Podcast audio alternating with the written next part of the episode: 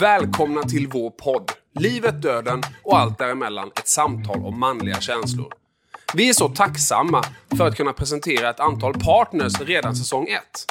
Tack till Stanley Security som har tagit fram produkten Stanley Interactive. Stanley Interactive är vår smarta säkerhetslösning skräddarsydd för små och medelstora företag. Med professionellt hanterad säkerhet, tillträdeskontroll, videoövervakning samt energihantering kan du känna dig trygg med dina lokaler och tillgångarna är säkrade var du än är. Tack också till Mercedes vi har åkt omkring i en Mercedes EQC. En fyrhjulsdriven, helt eldriven SUV med oslagbar kvalitetskänsla och komfort. Tills du accelererar, då blir det en sanslös sportbil. Inga utsläpp och 99 komponenter i bilen kommer från 100% återvunnet material. Mercedes är genom Kalmar Bilcentrum.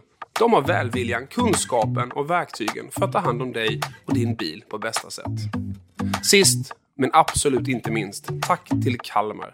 Kalmar är världens bästa stad att bo i. Det är också världens bästa stad att besöka. Har du inte gjort det så är det ta mig tusan dags nu. När sommaren kommer, se till att du hamnar i Kalmar. Nu, mina damer och herrar, så är det dags att presentera veckans gäst. En sökning på Google på namnet Magnus Helgesson ger följande träffar. Vill starta pub på månen. Tony Robbins. Elon Musk. Mark Zuckerberg. Miljonär när han blev 21. Startade första företaget när han var 13. Grundare av Harrys. Framgångspodden, KTH, Genikampen och mycket mer. Magnus Helgesson. Jag vet inte riktigt var jag ska börja när jag presenterar honom. Han är inspiration. Han är rummet. Han är framgång.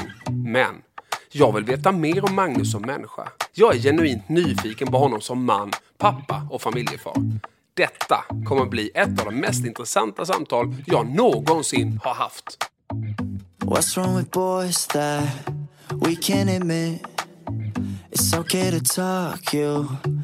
Hjärtligt välkommen eh, Magnus Helgesson till podden Livet, döden och allt däremellan. Ett samtal om manliga känslor. Oh, gud vad härligt. Jag känner mig jättevälkommen. Manliga känslor, den var intressant. Ja, men är inte det lite kul ändå? Jo, det är spännande och det är ju faktiskt lite grann så det kittlar till. För att det är inte så ofta som män vill prata om känslor. Och det är lite det som eh, jag och Max på något sätt har, har uppmärksammat. Och det är så spännande för det vi märker ju när vi pratar om, om dig och de andra som är i säsong ett med andra människor att ja, ja, det är, eh, de säljer, de är duktiga, det är framgång och sådär. Och sen, jag gjorde en reflektion alldeles nyss. Jag hörde dig prata med en av dina kollegor, eller vad man nu ska säga, någon som du hjälper lite grann. Och mm. Helt plötsligt så var det tonläget jag aldrig hört Magnus Helgesson ha förut. Det var stabilt, lugnt, dov tonläge. Det var, du var så otroligt närvarande i det samtalet på ett sätt som skiljer sig en del från framgångspodds Magnus så att säga. Eller väldigt mycket skulle jag säga. Mm. Märkte du inte att jag kunde göra två saker samtidigt nu? Du är ju väldigt duktig på det. Det, det var ju min kvinnliga sida. Det är härligt. Eh, och, och väldigt intressant samtalet eh, som precis var. Eh, en väldigt, väldigt god vän som har hjälpt många människor under väldigt lång tid. Eh, och eh, även sådana behöver hjälp. Ja, men det är så. Ja, och, och, det är klart att när man pratar så upprepar man bara det man redan vet. När man lyssnar kanske man läser någonting. Och jag lyssnar väldigt, väldigt mycket när jag arbetar med mina klienter. Då lyssnar jag in så mycket jag kan utifrån frekvensen i det samtalet. Eh, och må, många, eh, jag uppfattar det i alla fall som att många lyssnar inte utan de bara väntar på att få svara. Mm. Jag är helt med dig. Och det, Eh, Eh, det är hela tiden där någonstans som många av de männen vi intervjuar den här serien eh, faktiskt landar in i när man kommer ner lite grann. liksom, vi har tagit bort det ytliga, vi har tagit bort allting och så börjar man prata i samtalet som det faktiskt blir och inte föreläsningen på något sätt. Utan det här blir något lite annorlunda än mycket annat. Det ska bli väldigt spännande den här timmen vi har framför oss. Gud vad härligt. Det är så intressant när du säger när det blir samtalet och inte föreläsningen. Mm. För, för många som jag har lyssnat på, om jag lyssnar på, på olika poddar så bara, men herregud, det är ju hans gamla föreläsning sen sex år tillbaka. Han säger exakt samma sak. Har han inte kommit längre? Det är jättespännande. Och jag tänker att det inte handlar så mycket om utan ofta så handlar det förmodligen om att man kanske har haft en föreläsning som har funkat och man förutsätter ju inte att alla har hört den.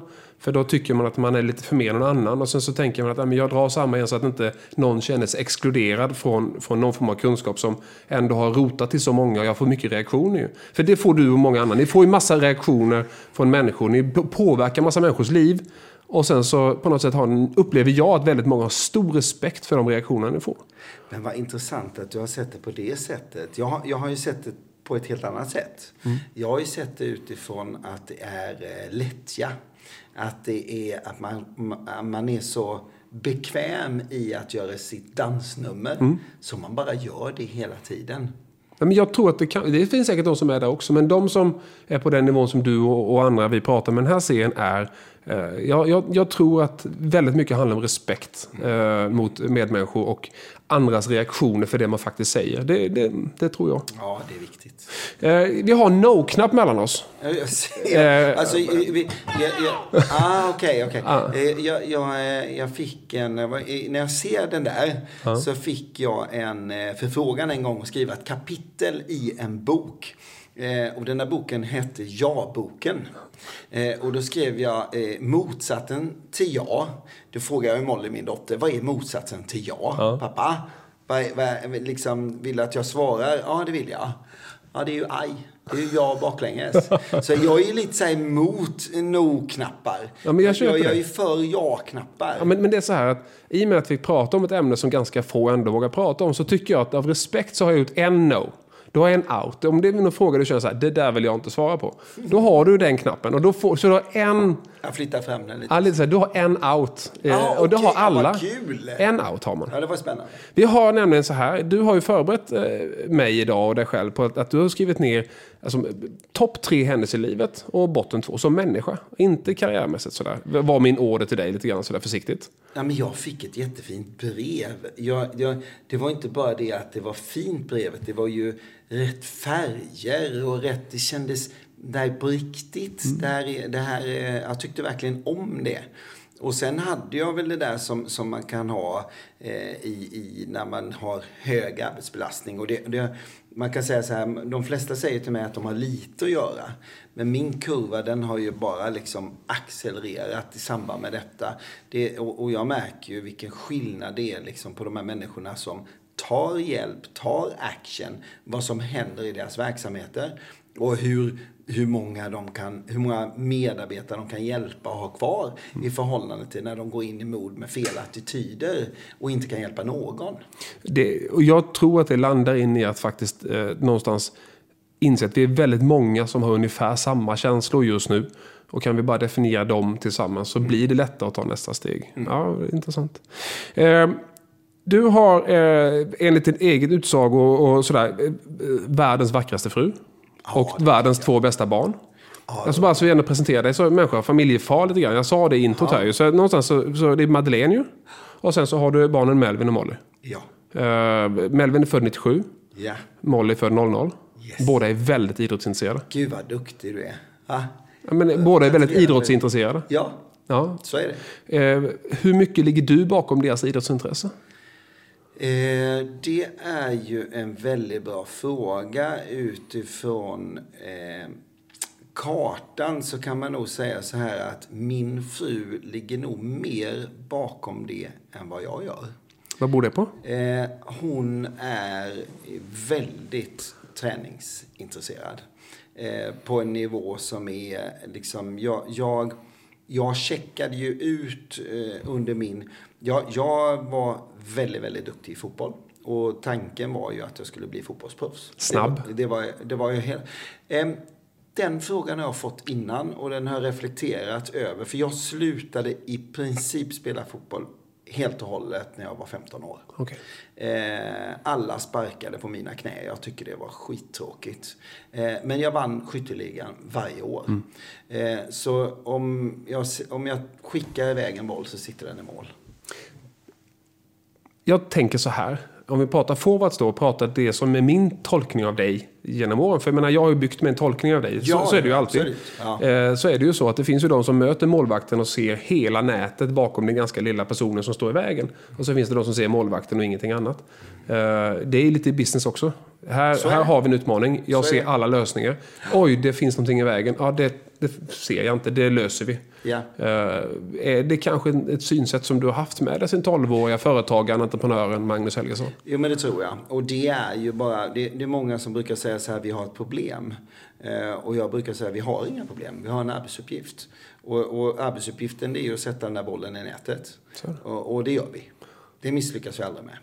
Alltså, jag, jag, jag skulle vilja, när vi pratade om det, du öppnade upp lite för det. För en av de punkterna som du har skrivit, det var till mig, det var om ditt koncernchefskap inom herrkedjor. Mm, mm. Eh, 2003-2013. Ja. Eh, då skrev du eh, citat. Jobbade 12 timmar om dagen, sju dagar i veckan. Mm. Eh, blev blåst lite på konfekten på slutet. Kan man säga, ja. Eh, jag tänker, om vi pratar barnens idrott här. Ja. Så tänker jag att det var ju då mellan Molly var 3 och 13 år. Det innebär att hela den, den delen av hennes liv så var du kanske inte, kanske därför också Madeleine var den mest närvarande föräldern just där och då. Där var hon väldigt närvarande och där var det då i Mollys fall mycket gymnastik och mycket hästar. Eh, Skadeförebyggande uppbyggnadsträning som jag kallar det. Ja, det är jättebra. Det är helt underbart. Eh, och, och, och eh, hästar, de är ju faktiskt de är ju väldigt stora och respektingivande. Va? Så att det, det, det liksom var inte riktigt min grej att gå och putta på dem ändå, om jag säger så. Då. Eh, men de trivdes väldigt, väldigt bra av stallet. Och det är också en väldigt, väldigt bra uppfostran att umgås med djur. Eh, och det finns ett väldigt stort djurintresse. Eh, och nu har vi i våran, eh, i våran eh, familj haft eh, lite otur och lite träning med eh, hundar kan man säga. För vi har haft hundar som vi har älskat som vi har varit tvungna att ta bort på grund av att de har blivit sjuka. Ja, och, och, och när man tar det här med, med högt och lågt som du, du, du skrev i ditt fina brev. Så, så efter jag hade skickat till dig så, så kom jag på liksom en av de värsta sakerna som vi var med om i familjen. Det var ju våran älskade hund, en amerikansk cockerspaniel som heter Moje. Som vi älskade över allt annat. Han följde mig blint. Inget koppel, ingenting sånt. Eh, och en eh, dag, eh, eller kväll, när vi sitter hemma i soffan och han ligger i soffan. Så hugger han min fru i ansiktet. Eh, och ehm, jag gick då och, och tog ett samtal till en av mina då coacher. Eh, och det fanns ju inget, inte en chans på jorden att det fanns något annat alternativ än att ta bort honom direkt. Eh, och då hittar man ju alltid massa ursäkter. Eh, så, så den ursäkten vi hittade då, det var ju liksom att vi måste ju titta varför han gjorde detta. Han högg henne ganska hårt i ansiktet.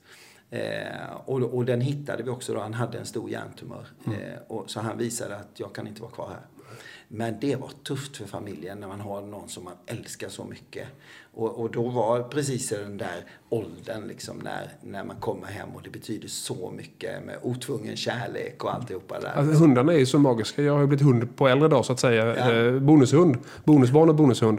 Och det finns ju ingenting som skapar så mycket glädje som att komma hem och bli mött av den gladaste liksom, varelsen i världen varje gång. Om du går ut och hämtar post så kommer du tillbaks. Hej! kommer du? Men du, eh, gråter du i de sammanhangen?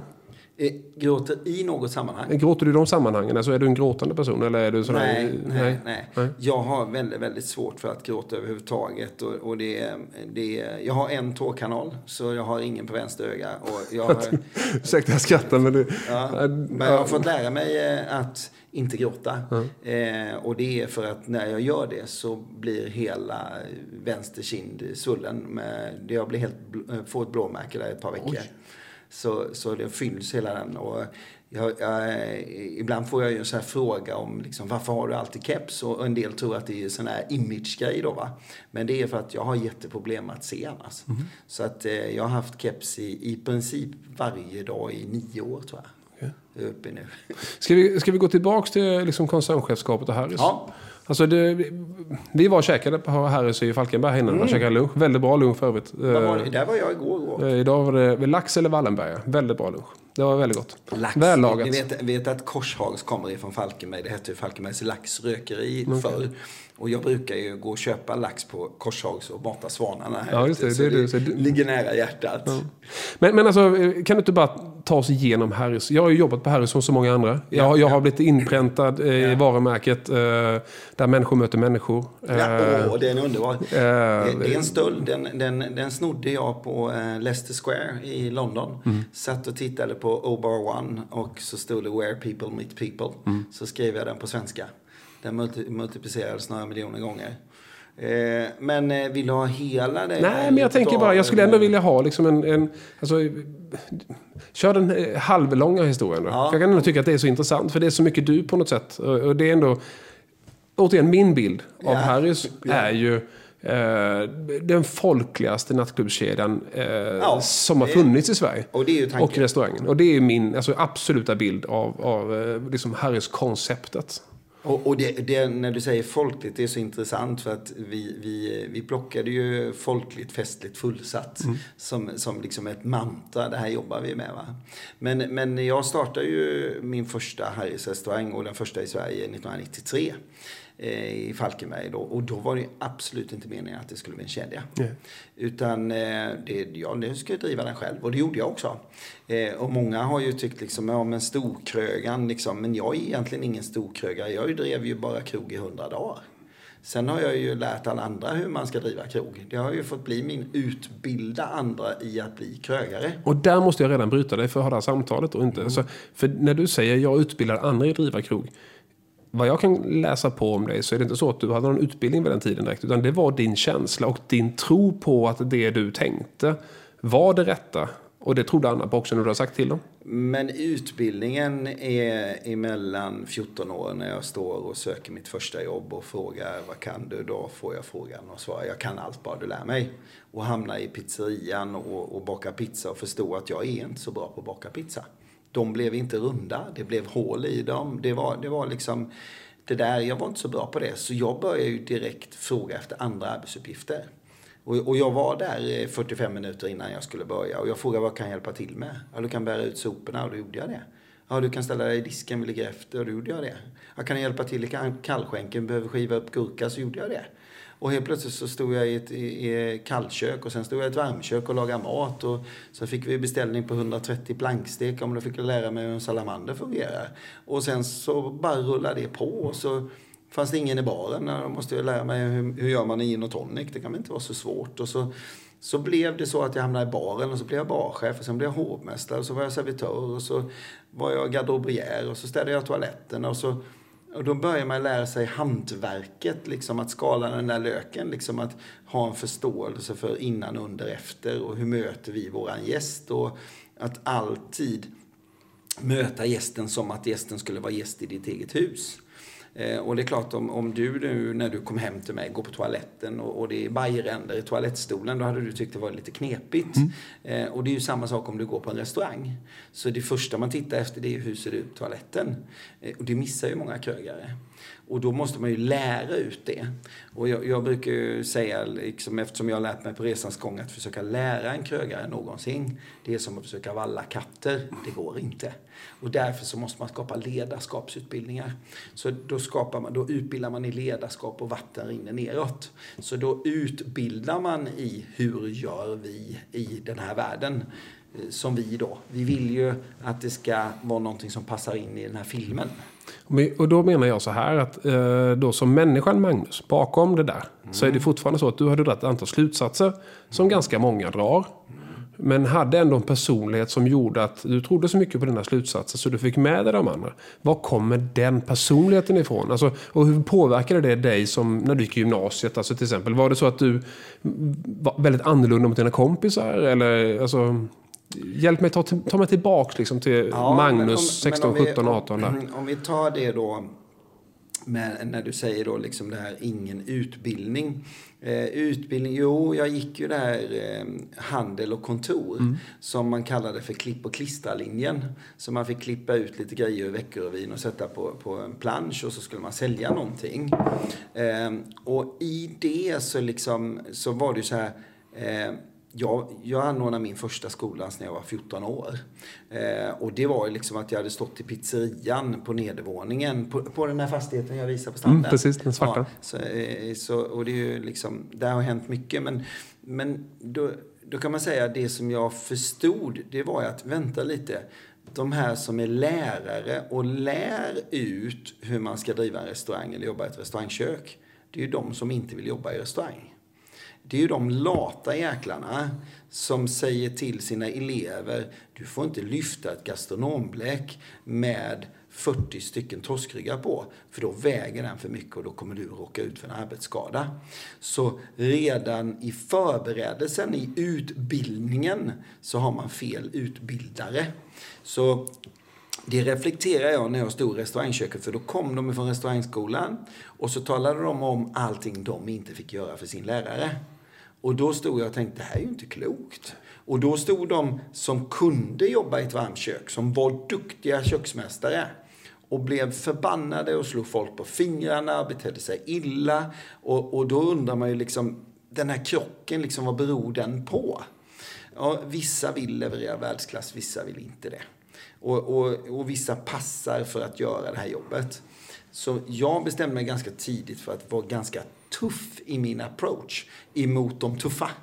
Eh, som, eh, som till exempel köksmästare. Eh, en riktigt, riktigt bra köksmästare, de brukar ju vara riktigt, riktigt dumma i huvudet.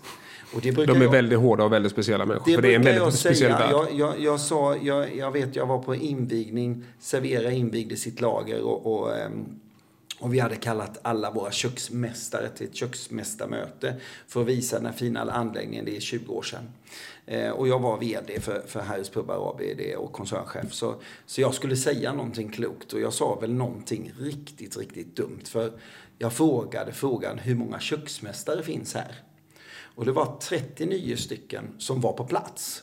Inbjudna som köksmästare. Det var fyra som vågade räcka upp handen. Och när jag frågar så här, vad är det som krävs för att vara köksmästare?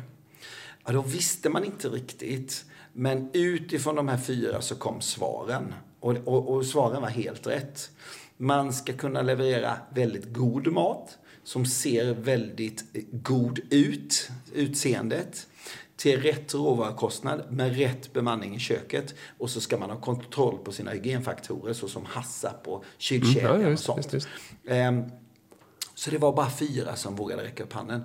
Och då sa jag så här, riktigt, riktigt bra, köksmästare de brukar vara faktiskt lite dumma i huvudet. Så. För om man fokuserar 100% på att leverera alla de här sakerna, att man har koll på sin råvarukostnad och kanske ligger någonstans mellan 26 och 29 procent och levererar världsklass. Att man har full koll på sin bemanning och levererar kanske någonstans 23 till 24 procent där eh, och har full koll på det och driver ett vinstdrivande restaurangkök som har nöjda medarbetare som hämtar maten i luckan och som har extremt nöjda gäster som betalar dricks. Eh, någonting som jag förresten tycker är hemskt är ju att man har plockat en förstört det svenska servicesystemet gällande dricks. Men du, jag måste tillbaka. Jag, jag håller med om varenda punkt här. Jag, jag har fått äran att driva ett restaurang också. Jag du håller kan med. ju klippa bort. Ja, men det, jag håller med om varenda punkt. Ja, men vi ska inte göra det tror jag inte. För vi ska, jag är fortfarande sugen på att ställa frågan igen då. Mm. Hur var Magnus Helgesson i gymnasiet och vad är det som gör att du, tror du, som gör att du ändå har varit så trygg i dig själv så att du har vågat ta de här besluten. Du har vågat stå för det. Vågat säga nu ska jag lära för de andra kan inte. Det krävs ju något speciellt. Det är ju väldigt få personer som, som ändå är där. Var du, liksom, kände du att du var mainstream i gymnasiet eller hade du hela tiden tankar om att men jag har en lösning, jag ser en roadmap som man inte riktigt ser? Nej, nej men alltså gymnasiet, jag var ju kung alltså. Mm. Om du tänker dig, jag, jag började, jag anordnade min första skola när jag var 14 år. Ja, du sa det. Ja. ja eh, när man går i gymnasiet och man är 16 bast, det var jag som höll i dansen. Mm. Så det var en kille som gick i åttan som höll i gymnasiedanserna för ettan, tvåan, trean för gymnasiet. Mm. Så, och, och jag, jag sa jag fixar detta. Och jag fixade det. Återigen, då frågar jag, och, och, vad, vad tror du drev dig till att vara den personen? Ja, men det fanns en intressant sak där. Och det var så här, jag valde att inte gå på mina egna danser. Utan jag valde att arrangera dem. Så att jag valde att inte skjuta, äh, skylta med mitt namn. Utan se till att leverera världsklass innan, under, efter. Så... Ähm, vad, vad frågan... Vad frågan tror är, vad, vad, tror du liksom är det som gjorde att du då som 14-åring faktiskt gjorde det? Alltså vad, vad är det i din liksom, i DNA eller din genetik eller din sociala historia med din omgivning som gör att ja, men just jag, just jag Magnus Helgesson, är, har kraften att göra det här? Ja, men jag tror att jag väldigt tidigt fick ordning på vilka verktyg som krävs för att vara sin egna mentala coach. Och, och i de verktygen så, så nu under senare, eh, eh, senaste tio åren så har jag ju fördjupat mig oerhört mycket i det. Liksom, va? Men, men när man tittar på Stanford Universitys undersökning på framgångsrika människor så, så mäter man ut två saker och det, det ena är ju då det som man inte kallar kunskap i deras fall, utan man kallar det kompetens. Och det är en oerhörd skillnad på kompetens och, och, och kunskap. Mm -hmm. För antingen så pluggar du och så ska du göra prov och jag ska ha alla rätt, sen skiter du i om du kan det eller inte. Och, och, i praktiken om du kan utföra det, det bryr du dig inte om. Men då har man ju kommit fram till att 12,5% är kompetens. Och då undrar man, vad är de andra 87,5 procenten? Eh, det är ju attityder. Mm. Vilket betyder att om jag kan lära mig att tolka mina tankar, för vi tänker någonstans mellan 65 och 68 000 tankar per dag. Eh, men 97 procent av dem är samma som vi tänkte igår.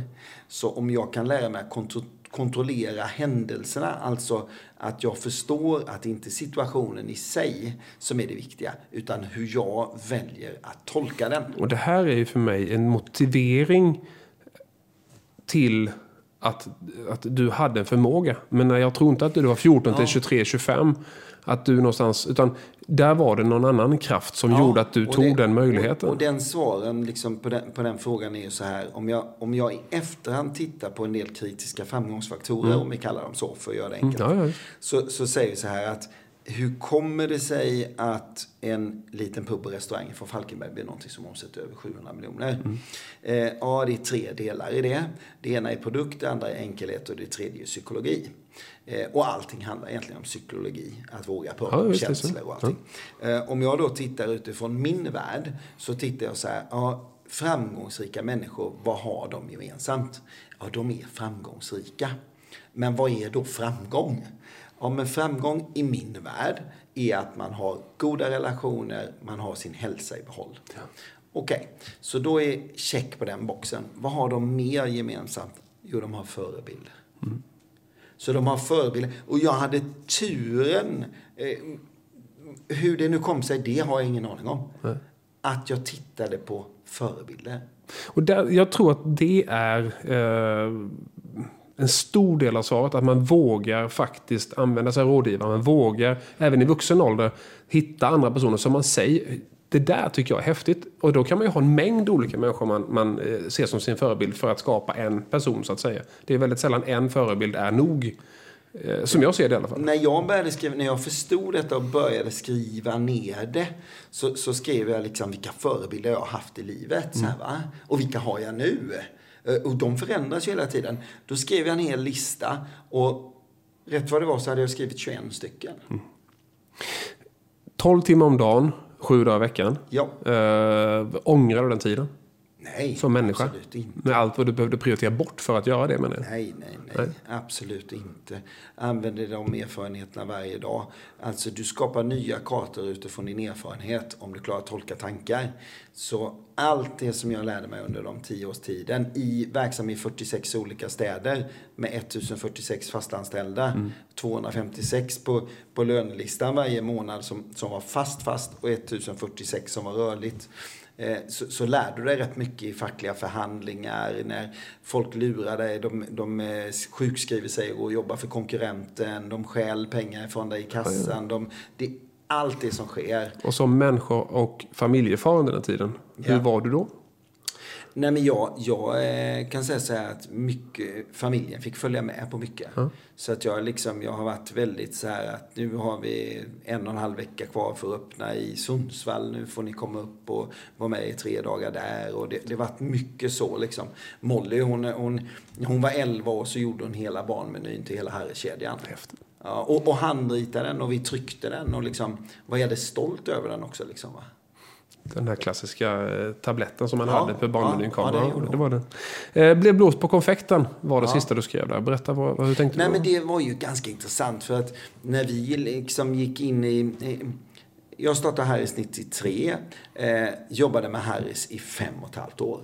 Sen skedde det saker och ting i ägarkonstellationen som jag kände att mina värderingar, jag kan inte stå för det här. Jag kan inte vara med.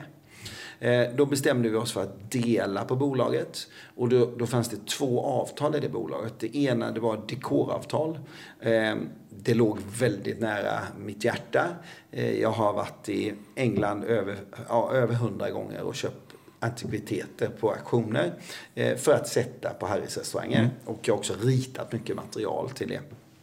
Eh, det låg varmt om hjärtat. Det andra var varumärket och det var ju mitt varumärke som jag hade skapat och, och kommit på och ritat och allting. Eh, men nu var jag tvungen att välja ett av de här. Eh, och jag valde först varumärket och det sa de nej till, mina kompanjoner.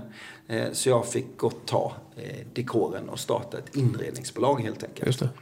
Eh, och det gjorde jag. Jag startade ett inredningsbolag och, och, eh, och sedan så kom det sig att en av mina mentorer då, Rolf Lundström i, i Göteborg, ringde mig efter ett halvår tror jag det var.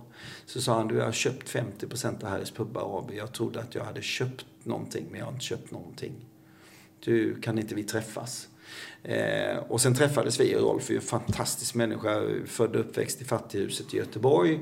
Eh, grundare, medgrundare till Cherry Casino. Startade Provobis AB med, sålde till Scandic och blev en av de största ägarna i Hilton Worldwide.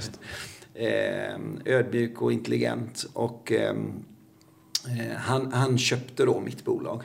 Och så fick jag eh, arbeta med inredning på offentlig miljö. Eh, vilket jag tyckte var väldigt inspirerande. Jag fick rita, jag, jag ritade parker och jag ritade hotellreceptioner och, och jag fick provbo på hotell som vi skulle köpa. Och, ja, eh, vi gjorde mycket saker tillsammans. Eh, men, eh, och det, det höll jag ju på med då ända fram till 2003. Eh, under tiden som jag läste mycket psykologi, mycket ledarskap, mycket sådär som jag alltid varit intresserad av. Och reste i många länder för att hitta inspiration till att göra de här sakerna. Men då fick jag ju förfrågan om att bli eh, VD för Harris Pubbar AB. Och då ska man ju veta att, att bolaget omsatte 14,9 miljoner och gick 6,9 miljoner minus. Det fanns en checkkredit på en miljon kronor. Den var utnyttjad till 997 000 och det fanns 284 000 obetalda skatter och moms. Eh, så det var ju totalt konkursmässigt. Och jag tackade nej två gånger. Men tredje gången, då, då 2003, eh, då, då, eh, då, då, tredje gången så, så om du tackar nej nu så finns nog inte din baby kvar. Och då satte jag det i ett annat perspektiv. och det var att jag kan inte misslyckas med det här. Det går inte. Det finns inte en chans. Så då frågade jag den viktiga frågan och den viktiga frågan den handlar om människor. Hur mår medarbetarna? 1,7 på en femgradig skala. Hur mår våra kunder? 1,9 på en femgradig skala.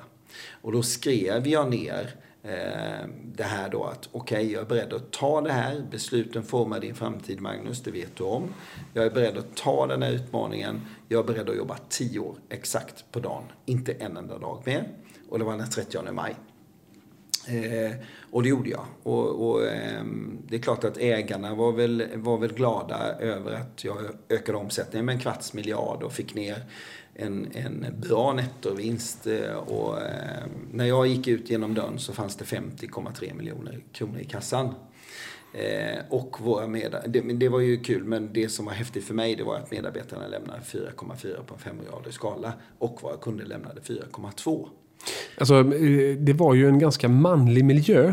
Det här är en podd vi pratar lite manliga känslor. Upplever jag som kund och jag som eh, då bartender på den tiden i, i mm. den eh, miljön. Um, Byggde det någonting runt att, för väldigt många klubbar annars fokuserar ju mycket på att tjejerna ska vara där för då kommer killarna. Alltså det har ju alltid varit en standard. Det är liksom. tes. Ja, men, det, det, ja, men, men det, någonstans så känns det som att Harrys gick en annan väg. Eh, jag, jag, tror att, att eh, om man säger den, den vinnande delen i när du säger att Harris gick en annan väg. Mm. Det var att jag gillar inte liksom de här snuskiga pubbarna där det är sunkigt. Liksom. Utan när vi byggde konceptet så, så liksom, då var det ju utifrån erfarenheter. Vad gillade jag i, i, i att besöka? Och, och, jag vet när jag var och besökte den här Mozart Kugel-fabriken i Salzburg så hade de marmorering på väggarna. Så det, det skulle jag ha, marmorering liksom. Och sen det här att sätta kristallkronor i en pub liksom. Och det gjorde att miljön blev lite mer otvungen och lite mer stilren och passade inte riktigt för de som kanske var på den nivån, alltså sluggers. Vilket gjorde att den blev lite mer otvungen för tjejer. Eh, så vi, och vi, vi hade ju, ja, under den tiden som jag arbetade med Harris, det, är- det är faktiskt, vad är det för datum idag? Den Det är den 15. ja. 15, ja, just det. Så om fem dagar. Sex dagar. Nå, eh, nej, den 15. Då, är- då, är- den 30 maj så är det sju år sedan jag slutade. Så var det. Mm. Eh, så det, eh, och då kan man säga så här, vi satsade ju väldigt hårt på att eh, det var någon konsult som sa till mig en sak som jag blev jädrigt irriterad över. För de, de bad mig beskriva Harris. Eh, och då sa jag, det är där alla är välkomna. Och, och då, då sa den här konsulten, försöker man vara allt för alla blir man ingen åt ingen. Men det du säger egentligen är att du tog en klassisk manlig miljö och gjorde den eh, lite mer tillgänglig på grund av vissa inredningsdetaljer. Och det var den stora i kombination med, med, med din, egentligen de här ganska enkla fraserna som jag menar kom till all personal. Ja, Folkligt, ja. fullsatt, festligt eh, och eh, där människor möter människor. ja mycket så. Ja, Jag tycker det fortfarande det är en intressant tanke. För då Men- menar jag att då spelar man ju på manliga känslor på ett sätt som gör att det faktiskt blir en framgång. Ja, fast det är väldigt intressant när du säger det och så säger du ordet känslor. Men i min värld, när jag tittar på kritiska framgångsfaktorer, så 20% är produkt. Mm. Så det finns andra pubbar, det finns andra restauranger, det finns andra... När jag förklarar för mina krögare så brukar jag ju säga så här, det finns andra som kan steka en hamburgare och hälla upp en bärs. Och då säger de ju, åh fan, är du helt säker på det? Ja, det är jag helt säker på. Hundra faktiskt. Ja, men vem klarar gör det enkelt? Vem klarar gör det otvunget? Jag har en god vän som heter Ken Segal och han är väldigt intressant. Han var Steve Jobs högra hand i 12 år. Han var marknadschef för Apple i 14 år. Och han sa Steve Jobs blev bara förbannad om man gjorde någonting som var enkelt, krångligt istället för tvärtom. Kiss, keep it simple stupid. Den är bra va? En klassiker. Så då ska man inte glömma att Harris skapades ju utifrån att jag är 22 och ett halvt år gammal och kommer inte in på Grand Hotel i Falkenberg. Och att vara emot någonting är aldrig fel. Och det som jag var emot, det var ju att nummer ett så hade de olika åldersgränser. Så tjejer 21, killar 23. Så när jag gick fram visade min legitimation. Jag är född den 1 januari. Det var mitt i sommaren. Jag var 22 och ett halvt år gammal. Och då säger de välkommen tillbaka om ett halvår grabben. Och alla snygga brudarna var där inne. Dessutom var det såna här anabola vakter som slog folk på käften, släpade ner dem i källan och, och slog folk och slängde ut folk. Och där var jag ju emot någonting. Och det där eh, visar sig också då, för jag menar återigen att det har med, med den 80 procenten som inte är produkten då, som faktiskt är känslor i olika former.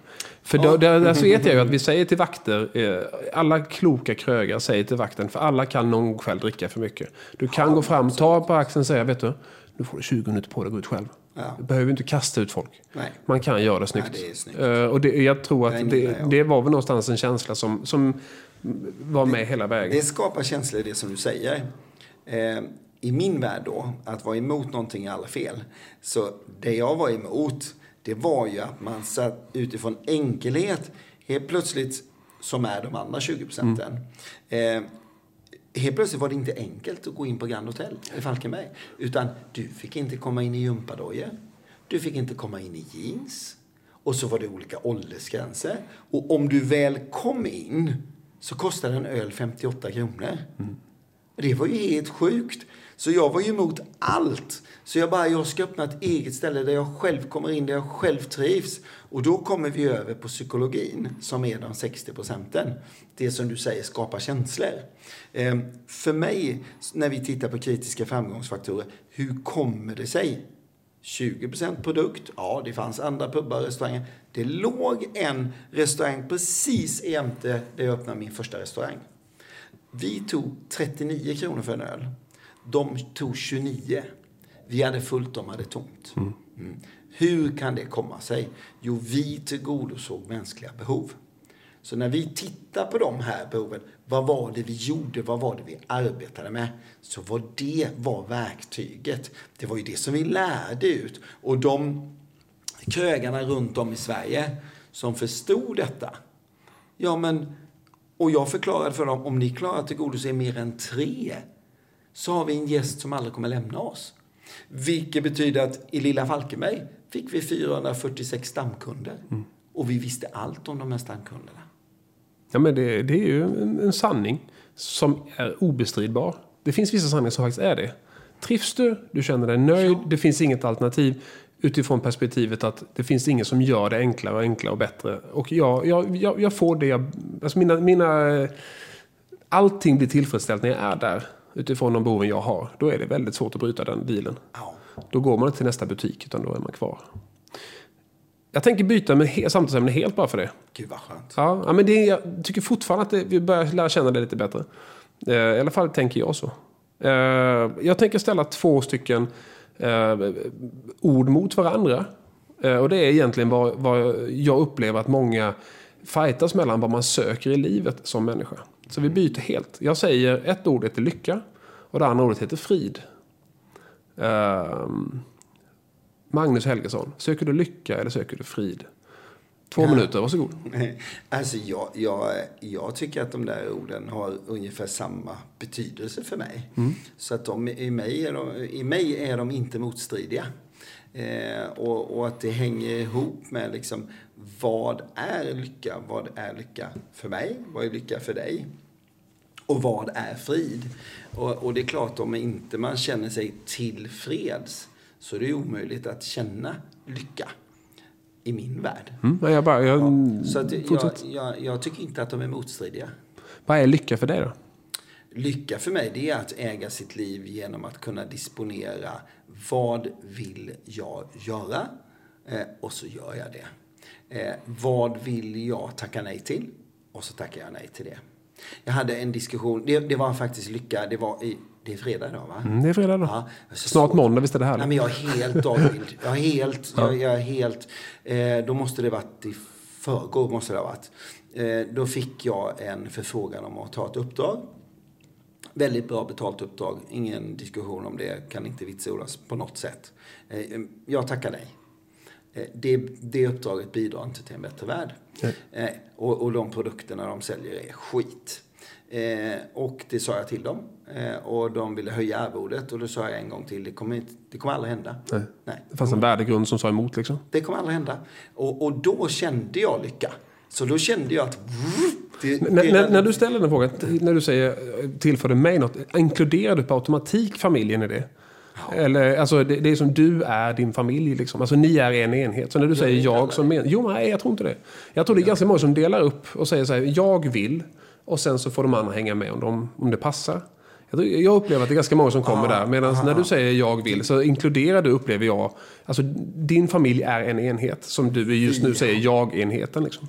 Vi har pratat väldigt mycket om värderingar och känslor ja. i vår familj. Ja, men jag, jag, jag, upplever det så. För när jag, när, när jag, vi var nere och hälsade på Dr. Molly ja. innan. Och det är ju verkligen ni är. Så när du säger ja så tolkar jag det som vi. Ja, jo det är korrekt tolkat. Eller?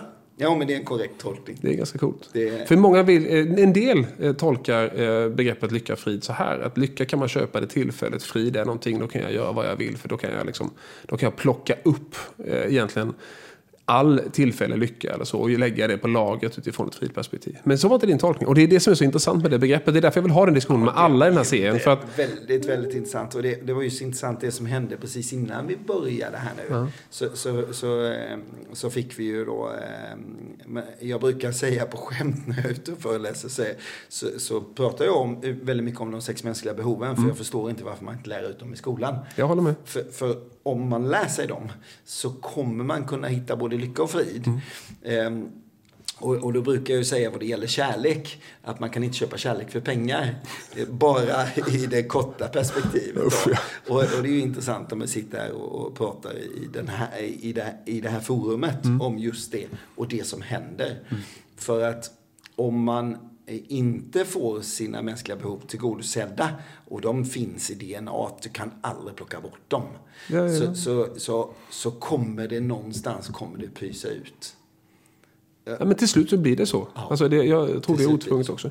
Jag, jag är, det finns en sak jag inte riktigt nöjd med. Jag hoppas kunna tolka det. Det är fortfarande vad du tror att det är som eh, du har haft med dig som har gjort att du ändå hela tiden har drivits i den riktningen som har gjort att du då har upplevt fyrklöven som du har på din keps hela tiden. Det står på sidan eh, Live Lucky.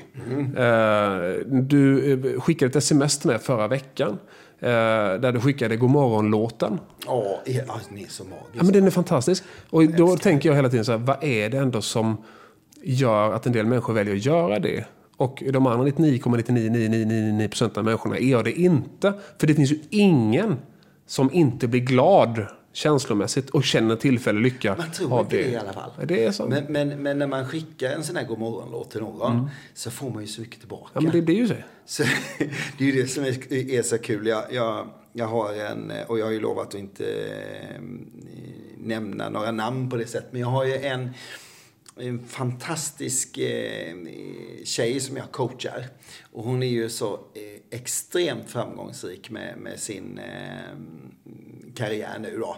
Hon har sålt 170 000 böcker de senaste tre månaderna. Och det är ju så roligt utifrån där vi började. Men eh, varje gång som jag skickar någonting till henne och, och eh, det är så när man möter någon så här som man känner att ja, men vi har det här spelet så, här, va? så skickar jag eh, en godmorgonlåt till henne. Då kommer det alltid tre tillbaka. Dusch, dusch, dusch så här, liksom, va? Och det är så skönt. Man bara wow, det är skönt att, att få det där. Hur mycket sådana eh, mail, messenger eh, får du som person av människor som vill berätta sin historia för dig av någon anledning som är oklar men egentligen kanske bara för att de har hört dig, de har hört om dig, eh, de har sett dig någonstans, de har lyssnat på Framgångspodden. Där du får ta del av andra människors historia. Får du mycket sånt till dig? Ja, det får jag. Hur hanterar du det? Eh, jag försöker hjälpa till så gott jag kan. Eh, och ibland är det svårt när man känner att man inte räcker till. Eh, och då skulle man ju vilja liksom klona sig själv sådär va. Och jag, jag, har en, jag har faktiskt en sån, sån träff imorgon där jag ska träffa en människa som har skrivit om sin livshistoria, som har råkat ut för hemska saker. Eh, och eh, jag ser fram emot det mötet väldigt mycket. Eh, och man lär sig ju så mycket i de mötena. Det är så häftigt. Ja, det är, det är stort. Och det, det, är också någonstans att, uh, jag kommer så väl ihåg, jag, jag gjorde en grej som heter Radio Cityos på mm. Cityos i Kalmar. Då satt ja. vi torsdagar, jag och en kollega, i 100 veckor i rad. Varje torsdag mellan 4 och 8. Wow. Och sände butiksradio från förbutiken. Ja. Uh, och, uh, jag upplevde, det var första gången jag upplevde den responsen som vi pratade om. För det var nämligen så här att eh, sista gången vi gjorde vi linade ut önskeradio i butikens ljudanläggning. Ja. Så folk gick och handlade till sin önskemusik. Ring så spelar vi butiksformat. Det var en kul grej. Eh, torsdagarna på City Kalmar omsatte väldigt mycket pengar. Ja, Ganska snabbt och all personal ville jobba för man blir ju sedd. Man fick öppna önskan så låter som personal också. Allting ja, handlar om det. Ett av de sex mänskliga behoven. Ja, du blir sedd. Eh, men sista avsnittet, då fick jag 21 handskrivna brev av män. Wow. Som eh, på riktigt sa så här. Jag vet inte vem som nu ska hälsa på mig. I mitt liv så har jag en fru, men vi har inte pratat med varandra på ganska länge. Jag har en arbetsplats jag går till där jag inte är särskilt sedd. Du visste vad jag hette och du spelade den låten som jag råkade säga första gången jag kom hit. Eh, jag tycker inte om den låten egentligen. Men jag har inte vågat ändra den på 100 veckor. För du, du vet hur jag är, jag vill inte riskera att det blev dålig stämning. Och jag sa, ah, va? Men vad jag menar var med det att det finns väldigt många där ute som jag tror behöver bli sedda. Eh, av olika anledningar och behöver mötas i den känslan där de är. Eh, har du ett ansvar för alla dem utifrån den du är idag och det budskapet du skickar ut hela tiden? Att möta dem på den nivån så att de, japp, jag fick hjälp, jag hörde en sak och det funkar för mig nu. Jag kan hjälpa mig själv, jag behöver inte gå på massa föreläsningar utan jag kan göra, jag kan göra det här själv nu. Alltså, jag har ju bara ansvar för det jag kan ta ansvar för. Men, eh, men jag känner att jag har ansvaret. Mm. Eh, och sen har inte alla människor det behovet som du pratar om, eh, behovet av unikitet, att bli sedda. Utan de kan ha andra behov som inte blir tillgodosedda. Det som jag har tagit till mig det är att jag ska göra allt som står i min makt för att hjälpa dem att ge dem verktygen. Och det, det jag tror det är någon mening med allting som händer. Det här som händer på våran jord nu. Jag tror att Moder Jord behövde vila. Eh, det finns sådana som eh, när de går ut och talar om att ja men du kanalerna i Venedig är blåa och det simmar delfiner där för första gången sedan 1600-talet. Mm. Då finns det sådana som går ut och säger att det är bara fake media. Men det är ju inte det. Jag har goda vänner som har varit där och filmat. Nej men det, det, det, det är helt solklart att det är så. Men vi pratades vid på telefon, jag kommer inte ihåg du ihåg det, för ett par månader sedan. Ja. När vi började prata om det och jag vill komma dit. För nu är vi fortfarande i en podd som diskuterar manliga känslor. Och jag upplever att väldigt många eh, har gått på dina och många andra inspiratörers föreläsningar. Blivit jätteinspirerade i 10, 15, 20 minuter, kanske en hel dag. Mm. Och sen någonstans så kommer man tillbaka till vardagen igen. Ja. Och här vet jag att du har intentionen att göra skillnad. Och det skulle jag vilja prata om en liten stund. Uh, för att uh, det om du inte har verktygen själv så behöver du kanske någon hjälp. Har du inte möjlighet att ha rådgivare, för du har inte kontaktytorna, du har inte det där drivet, så kanske du behöver en annan hjälp. Och där har du skapat något. Jag vill att du berättar ja. lite om det. Ja, gud vad härligt. Ja, det är jag oerhört tacksam över att jag får prata om, mm. om man nu säger så. Då. Eh, nej, men I min värld har det ju varit så här att jag, jag har ju sökt väldigt, väldigt mycket efter vad är det för verktyg man behöver för att kunna vara sin egna mentala coach. Mm. Det du säger, man kanske inte har kontaktytorna, man kanske inte har ekonomin, man kanske mm. inte har möjligheten. Man är en helt vanlig människa liksom. Man, man kanske inte har möjligheten att åka hemifrån, man har inte möjligheten att gå på en föreläsning i veckan. Man har, och, och då har jag funderat väldigt mycket, hur kan man då göra detta? Så jag har då tagit min coachingmodell som jag har arbetat med varje dag de senaste sju åren och som jag har arbetat med i tio år som koncernchef när jag arbetade inom Harris och som jag påbörjade väldigt, väldigt tidigt i mitt liv summerat det och skapat en digital utbildning för att bli sin egna mentala coach på 21 dagar. Så man gör en modul om dagen med sju dagar eh, med tre dagars mellanrum och 21 i mitt turnummer då. Så då, då, då gör man det här för att stärka sin mentala eh, eh, hälsa och få en förståelse för sig själv först. För först måste man älska sig själv innan man kan börja älska andra människor. Och, och, det är ju det vi människor gör. Det är ju det som är vår överlevnad. Och, och mänskligheten har alltid överlevt genom att samarbeta. Så kan man då lära sig nycklarna, få med sig psykologin bakom, som man inte fick lära sig i skolan. Så man förstår inte varför man gör på det ena eller andra sättet. Och man kan inte heller tolka sina tankar, utan man bara agerar utifrån det händer en situation. Man går direkt till sin karta utan att fråga de frågorna som man måste fråga sig. Och den kartan den skapas när man är mellan 0 och 6 år gammal. Och här, här jag köper allt du säger där. Eh, sen kan vi ha olika sätt och metodiker och det finns mängder av, av möjligheter. Hur kan man kommunicera det här så enkelt så att alla faktiskt kan ta till sig det och väljer till slut att göra det. Du måste ha ett driv själv för att vilja göra en förändring. Ja. Men, men eh, är det så enkelt kommunicerat i ditt verktyg som, som, så är du som menar att det här är faktiskt för, för oavsett, och nu pratar inte jag yrken eller vilka, hur mycket pengar du har, utan jag pratar om mental öppenhet. Alltså det ja, menar jag med enkelt, ja, bara ja, så att vi inte misstolkar min, mitt begrepp av enkelt på något sätt. För det har inte med varken pengar eller status att göra, utan det handlar om mental närvaro på något sätt. Eh, för att svara på frågan väldigt enkelt då, mm. så har jag ingen än så länge som har gått igenom programmet som inte har gjort en livsstilsförändring i positiv riktning. Och det betyder väldigt, väldigt mycket för mig. Eh, och då, då har jag haft sådana som har varit riktigt nere. Som, som kanske har bestämt sig för att, nej men jag, jag checkar ut. Jag, jag ska nog inte vara kvar här på den här jorden. Eh, och till sådana som jag har tyckt, kanske i min egen väg. oj, behöver den här personen gå det här programmet? Mm. Men jag har ingen som inte har gjort en förändring. För att man får en förståelse för sig själv. Ja, men det, för att kunna göra det så vill jag ställa en fråga. Då. Här, kan man göra ett sånt program utan att ha känt eh, på något sätt de här mörka känslorna själv? Det finns inte en chans på jordklotet. När har du känt de känslorna? inte i min värld i alla fall. Nej. Eh, nej, men nej, jag, jag, det finns ju olika moment i mitt liv där jag Jag har ju en, ett moment liksom när jag, när jag eh, är någonstans 10-11 år och bryter ryggen. Och, och, eh, jag tror att jag är jätteduktig på skidor och, och det har jag ju fått för mig att jag är då. Men eh, jag hoppar i, i, i Tyskland i ett freestyle-hopp och jag klarar att göra en volt. Och jag gör ju den där volten väldigt många gånger. Så helt plötsligt så får jag ju hybris och får för mig att jag kan göra två. Självklart. Ja, men det kan jag ju inte. Eh, jag har ju inte liksom tränat in det utan jag gör ju egentligen en volt och kanske, jag vet inte om jag gör en halv till. Men jag landar i skogen på en sten och bryter svanskotan rakt av och bryter nedre ryggen. Eh, och där hamnar jag ju liksom i det där läget att känna den där fruktansvärda smärtan. Eh, att få åka liksom med ambulansbår ner ifrån berget och ligga i den där sulken bak, bakom den där snöskoten. Och det är klart när de där stötarna stöter. Du, du, du, känner varje gruskorn, varje snöpuckel, varje isfläck så smäller det till. Och så ligger du där och det känns som att någon hugger knivar i dig.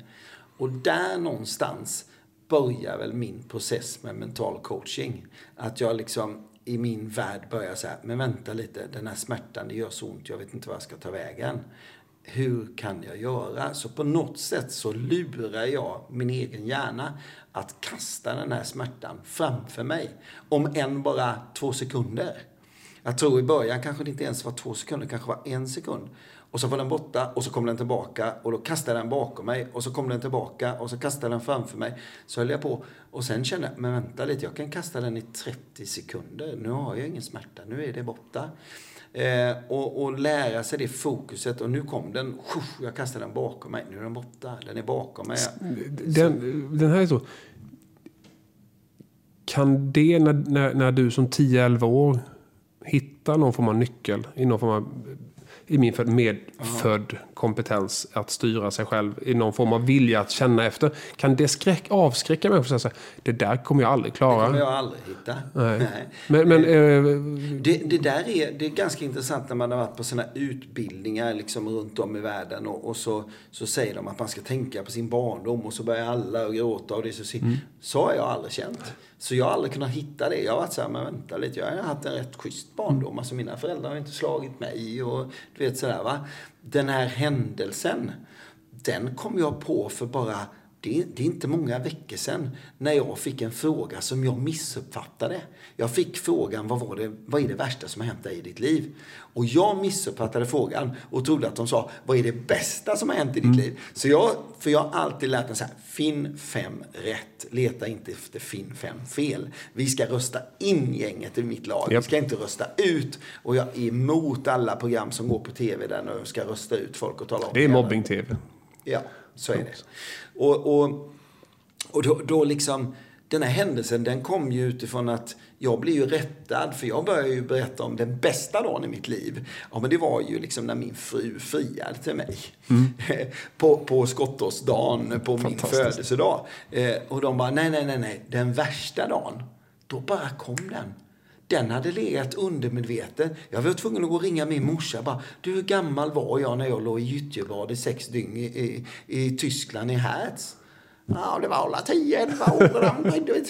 och så började hon berätta om, hon bara grät. Hon grät i sex dagar och var helt övertygad om att jag kommer sitta i rullstol resten av livet. Och, och, och de bjöd på sprit på morgonen, läkarna i Tyskland. Dricker du sprit? Eh, nej, inte sprit dricker jag inte. Nej. Den har liksom, jag, jag dricker bra med vin och champagne. Väldigt svag Du drack färdigt sprit när du var tio där? Ja, jag tror det faktiskt. Det var, det var, eh, alltså det, det, det var ju en rätt lustig grej alltså, om man tittar på kulturella saker.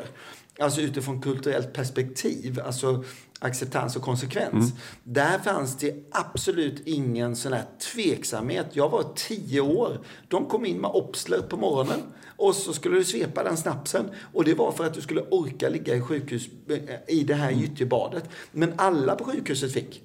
Alla gravida fick, alla fick, alla fick en samma. jädra morgonsnaps. 1980. Ja, det, där är vi 80, 81 någonstans. Ja. Och det är klart att, att man, en sån där händelse, den har legat undermedvetet. Jag, jag, jag har inte, den har varit helt borta. Och så får jag en fråga, men jag tycker inte jag har varit med om någonting i mitt liv som har varit jobbigt. Och så bara boom! Här plötsligt ligger jag i en ambulansbår. Vad fasiken, det gjorde jag ju på riktigt. en sista eh, fråga från mig. För jag tycker, eh, alltså, vi skulle kunna hålla på och prata om saker i, i flera timmar. Men eh, det intressanta tycker jag är om, om vi som tittar på den här podden och, och eh, lyssnar på den, antingen eller. Eh, om vi har lärt oss lite mer om, om Helgesson utifrån den bilden som jag hade. För jag tror återigen att alla har en förutfattad bild om alla. Jag är vi. Upplever jag i ditt fall. När du säger ordet jag så är det du och din familj. Det förklarar ganska mycket. Utifrån hur jag, hur jag har tolkat dig tidigare. Och det, så jag har träffat dig med att vi vara i ditt fina hem och den första dagen i nya lägenheten. Och, alltså det är helt galet. Men i och med att vi fick hänga med dig en stund innan så blev jag, vi väldigt tydligt. Det är jag väldigt glad för. Och, och, vi innefattar faktiskt mer än bara familjen. För det, det innefattar väldigt många människor. Mm. Det, det, det, jag tror den eh, är väldigt viktig att ha med sig. För att om man, man, får ofta frågan vad är framgång? Framgång utan goda relationer är ingen framgång. Jag, jag definierar vänskap. Eh, sen jag träffade Oskar som är min absolut bästa vän. Ja. Det här är sista samtalsämnet nu här, ja. tänker jag mig. Så, så, eh, tror du nej, men tror, för det är så här att när jag träffade Oskar första gången så tyckte han att jag var eh, alltså kvastskaft till röven. Eh, inte för att jag var arrogant, utan för att jag inte bjöd på någonting i någon form av känsla. Och när jag analyserar tillbaks innan jag träffade Oskar 2009 så tror jag att jag umgicks med folk. Antingen så kunde jag dra nytta av det på något sätt, eller någon. Eller så var jag tvungen. Jag hade liksom inte ett genuint intresse. När jag lärde mig känna Oskar så helt plötsligt så gick vi i Borgholm på Borgholms kyrkogård. Och helt plötsligt så satt han bara där. Vi, alltså han, vi, vi satte oss ner där. Och så sa han så här, vad känner du nu? Och jag insåg att jag är ju känslomässigt efterbliven. Jag har ju så här, hur många riktiga kompisar har du? sa han då. Det var intressant. Och då så sa jag så här, ja, fem, sex stycken. Om jag säger så här, sa han. Du får inte säga folk som du ringer mitt i natten. Eh, för de kommer. För det gör man, det är en eventgrej. Är du en god människa, någon ringer, oavsett vem det är, så åker du dit. Utan folk som du kan prata om att din dotter har problem med vad det nu kan vara för någonting. Alltså, det är riktigt djupa. Yeah. Jag har läst en undersökning, det tar i snitt fyra år för en man att söka vård hos läkare om du har problem med ett könsorgan. För du är så rädd för att visa dig naken. Alltså, vem pratar du om sånt med? Säger Oskar till mig. Och jag bara säger, jag har ingen. Han verkar bra, Oskar. Oskar är den bästa människan i världen. Han är, han är helt fantastisk. sen dess har jag ställt den frågan till ganska många män. Ja. Och väldigt stor majoritet har svarat att de har noll riktiga vänner. Ja. Utifrån den beskrivningen. Ja. Hur ser du på det? Jag, jag, tycker det är väldigt intressant det som du nämner med Oskar, din vän. Eh, och hur mycket han har utvecklat sig. Ja, verkligen. Eh, jag tycker det är intressant för att eh, kvastskaft, sorry. Ja, ja. Eh, det är ju så i alla förhållanden. Jag sa inte det innan, men, men utifrån de sex mänskliga behoven, om du klarar att tillgodose mer än tre, så har du en god vän, man, hustru, mm. sambo, you name it, som aldrig kommer överge dig. Mm. Och det är ju likheterna som gör att du och Oskar kan umgås och göra saker och ting. Men det är ju olikheterna som skapar dynamik, glädje, passion, det där kvastskaftet, det där. Eh, och ibland så pratar man om entreprenörskap. Entreprenörskap, en entreprenörs största misstag, det är ju att leta upp någon som är lik ja. sig själv. Teamet måste vara olikheter. Ja, och det är ju så vanligt. Mm. Eh, som svar på frågan, så eh, för ganska många år sedan så, så, så, blev jag klok på hur viktigt det är med riktiga vänner. Eh, vilket betyder att jag sa upp bekantskapen med ett antal människor. Eh, jag ringde upp några av dem och sa att du ger mig faktiskt ingenting. Du, du, jag har rankat och, och jag har också, jag har faktiskt en modell. Jag vet inte om du skickade ut grejer efteråt? Kommer vi göra. Ska skicka ut det här schemat det, där, där, man rankar sina vänner ja. från 0 till 20 poäng. Och de som får under 12 poäng, de ska man säga upp bekantskapen med. Okej, okay, coolt. Ja. Så jag ringde upp faktiskt, jag ringde fem stycken och sa upp bekantskapen. Och sa att du har inte tillfört någonting för mig och jag vill inte umgås med dig mer. Men två av dem ringde tillbaka och sa jag hör vad du säger. Jag vill prata om detta. Och det är två av mina bästa vänner idag. Mm. Det har de varit i snart 25 år. Så eh, ja, ja, ja, svar på frågan, det är en handfull människor som är bland mina närmsta vänner utanför det som är familjen. Eh, och, och, jag har verkligen liksom de där frågorna, svaren finns ju alltid i frågorna. När man frågar så här, hur mycket vill den här personen att du ska lyckas? Och det är ganska intressant när jag sitter i privat coaching. Så sitter jag, jag hade en kvinna i förra veckan, det var så jädra intressant. För då, då, då ska hon svara på det här schemat då, som är ett väldigt enkelt schema. Men hon var ju övertygad när hon gick in i mötet om att hon hade en väninna som var en, en, av hennes allra bästa vänner. Och hon fick åtta poäng av 20. Hon sa upp bekantskapen med henne direkt. För när hon skrev hur många procent på skala 0 till 5 vill den här personen att du ska lyckas, då skrev hon noll. Hon skrev noll. Fantastiskt. Och jag sa, du säger att hon är din bästa vän. Hon vill ingenting annat än att du ska misslyckas. Det var verkligen svaret på min fråga. Åh, vad härligt, tack. Eh, för det är så intressant. Vet du vad jag gjorde? Du vill inte Eh, trycka på no. Nej, du slipper den. Jag tänkte om du vill trycka på alltså, du slipper den. Ehm, när jag träffade den människa jag lever med nu, Ja, eh, vet du vad jag gjorde inför det? Jag gjorde någonting tabubelagt, tycker jag själv. Jag gjorde en lista, en Excel-fil. oj. Eh, what not to have. Oj, oj, oj. Det här är farligt. Ja. Och vet du vad what not to have? Då blir vad man vill ha väldigt tydligt. ja. Det är mycket lättare att skriva om jag ska leva med en människa som blir min livskamrat för resten av mitt liv. Okej. Det, det är att ta lista ett steg till. Det är väldigt intressant. Alltså, Och det, det, eh, det- för mig blev det lyckan. För Linda är min motpol. Jag kommer hem, det spelar ingen roll att jag har suttit och så här, satt med den och den och den och den och den och namedroppar och så. Och hon bara, ja du, det, jag älskar dig. Ehm, mat då? Det är helt fantastiskt. Men Björn, i min värld så är det så här att antingen går man ju till något eller så går man ifrån något. Eh, och man får det man fokuserar på. Så den där not to have-listan den är väldigt intressant i min, i min, i min värld. Men sug in den. För tänk Ja, ett ja, företag säger så här, hur vill vi inte framställas? Den listan är mycket lättare att skriva än hur man vill framställas. Det är olika synsätt Mm. att se det. Att antingen går jag till något eller så går jag ifrån något. Så att det, det finns inget rätt eller fel i det. Eh, utan det, det är bara så intressant sätt att göra det på. Alla har sitt. Det är imponerande. Ja, ja, bara det funkar. Magnus Helgesson, född 1970 01 Yes, yes. En eh, fantastisk fru sedan många år tillbaks. Två härliga barn i Molly och Melvin. Eh, du har gjort otroligt mycket. Du har eh, coachat mängder med människor. Eh, du har idag definierat för mig att ett jag kan vara ett vi. Du har sagt att lycka och frid kan tolkas på massa olika sätt. Och framförallt så kan lycka och frid vara samma sak. De kan vara synonyma. Eh, och bara hur man väljer det. Vänskap bygger på det totala förtroendet som jag tolkar det. Och som jag tycker, jag tror jag tänker kanske lika. Man är inte rädd att det går vidare till någon annan. Man, man har det totala förtroendet i, i den man pratar med. I att här och nu kan vi prata om precis vad som helst och det stannar här och nu. Och det fina ordet som du säger, förtroende. Det, det är det liksom att, att we're in this together på, på, på lång sikt. Mm. Det är fantastiskt. Så lång sikt. Nej, jag brukar säga om man sitter i business coaching så ibland så, så söker liksom företagsledare den korta vägen. Och, och då säger jag så här, det finns inga kortsiktiga lösningar som stödjer vårt långsiktiga tänk. Utan det handlar väldigt mycket om värderingar. Eh, stora känslomässiga eh, motgångar i ditt liv har du hanterat genom att inte riktigt se dem utan se nästa möjlighet igen. Du ser nätet i målet istället för målvakten. Eh, kan det vara en tolkning som du står bakom?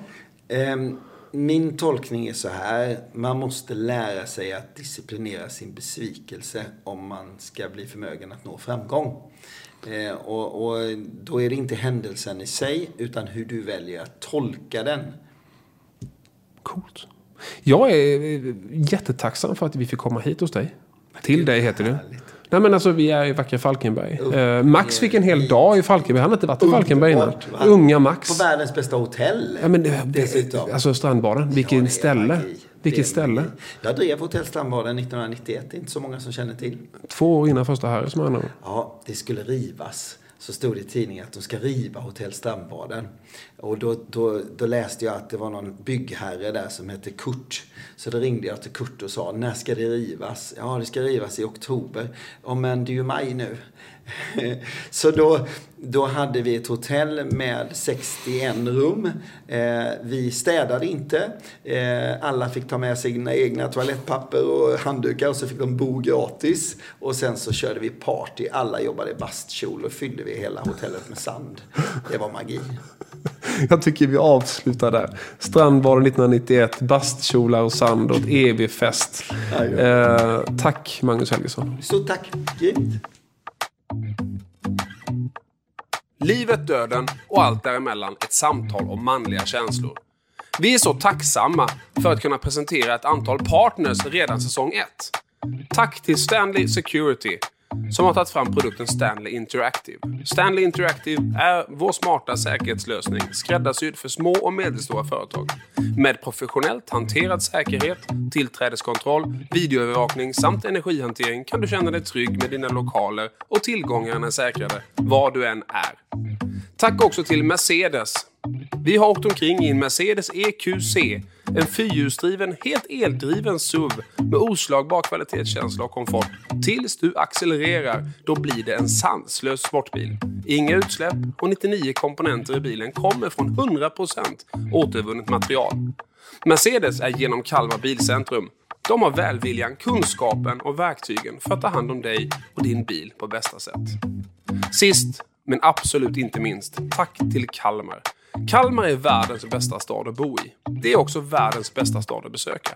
Har du inte gjort det så är det ta mig tusan dags nu. När sommaren kommer, se till att du hamnar i Kalmar.